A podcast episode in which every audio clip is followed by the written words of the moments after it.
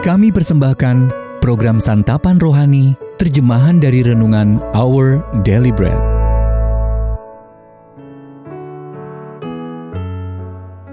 Sahabat ODB, pembacaan Alkitab hari ini terambil dari 1 Petrus pasal yang kedua, ayat yang ke-11 sampai dengan ayat yang ke-21.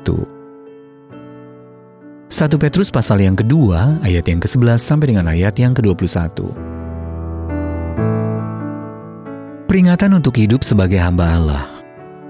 Saudara-saudaraku yang kekasih, aku menasihati kamu, supaya sebagai pendatang dan perantau, kamu menjauhkan diri dari keinginan-keinginan daging yang berjuang melawan jiwa.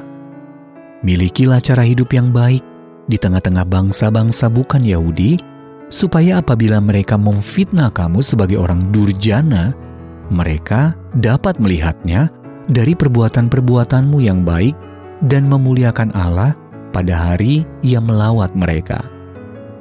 Tunduklah karena Allah kepada semua lembaga manusia baik kepada raja sebagai pemegang kekuasaan yang tertinggi, maupun kepada wali-wali yang diutusnya, untuk menghukum orang-orang yang berbuat jahat dan menghormati orang-orang yang berbuat baik.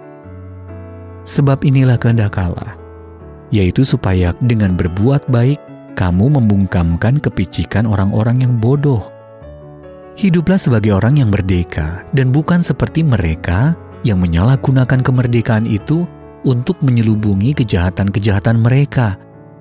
Tetapi hiduplah sebagai hamba Allah. Hormatilah semua orang, kasihilah saudara-saudaramu, takutlah akan Allah, hormatilah Raja.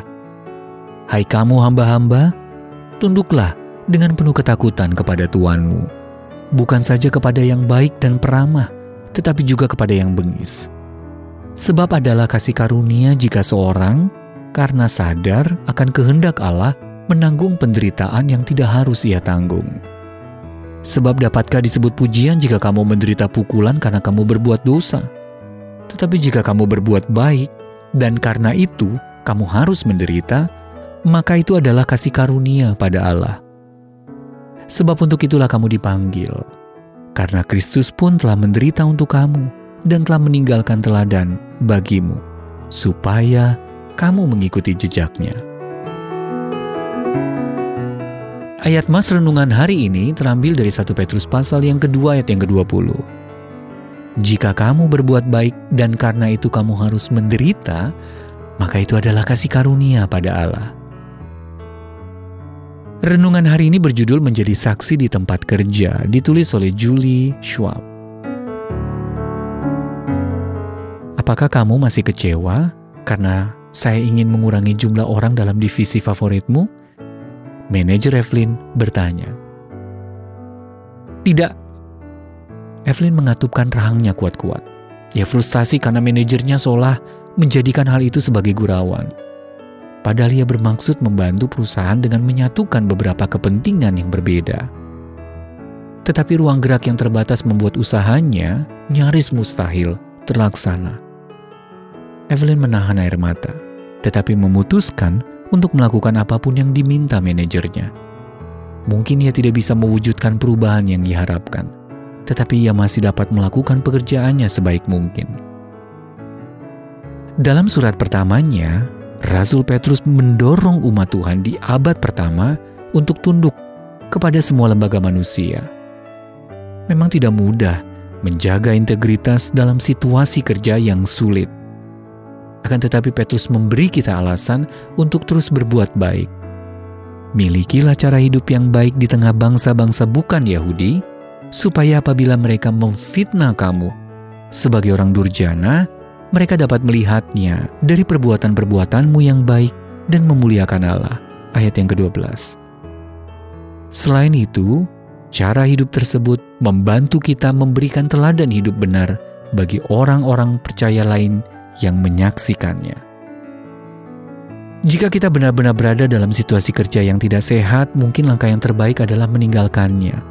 1 Korintus pasal 7 ayat 21. Namun dalam lingkungan kerja yang sehat, dengan pertolongan roh kudus, kita dapat terus berbuat baik dalam pekerjaan kita, sambil mengingat bahwa itu adalah kasih karunia pada Allah. 1 Petrus pasal 2 ayat 20. Dengan tunduk kepada otoritas, kita memiliki kesempatan untuk memberi orang lain alasan untuk mengikut dan memuliakan Allah. Sahabat ODB, apa yang biasanya Anda lakukan ketika berada dalam situasi sulit di bawah otoritas orang lain? Dan apa yang mungkin dikerjakan Allah dalam diri Anda melalui semua itu? Bapak Surgawi tolong aku untuk terus memuliakanmu saat merespons para pemegang otoritas meski situasi yang kuhadapi tidak mudah. Mampukan aku untuk hidup memuliakanmu dari hari ke hari. Our daily bread Jika Anda ingin mendapatkan buku renungan ini dalam bahasa Indonesia, Inggris, atau Mandarin, WhatsApp kami di 0878 7878 9978 atau kirimkan email Anda ke indonesia@odb.org. Jangan lupa untuk mengunjungi website santapanrohani.org. Persembahan kasih dari Anda memampukan Our Deliberate Ministries menjangkau orang-orang agar diubahkan. Tuhan memberkati.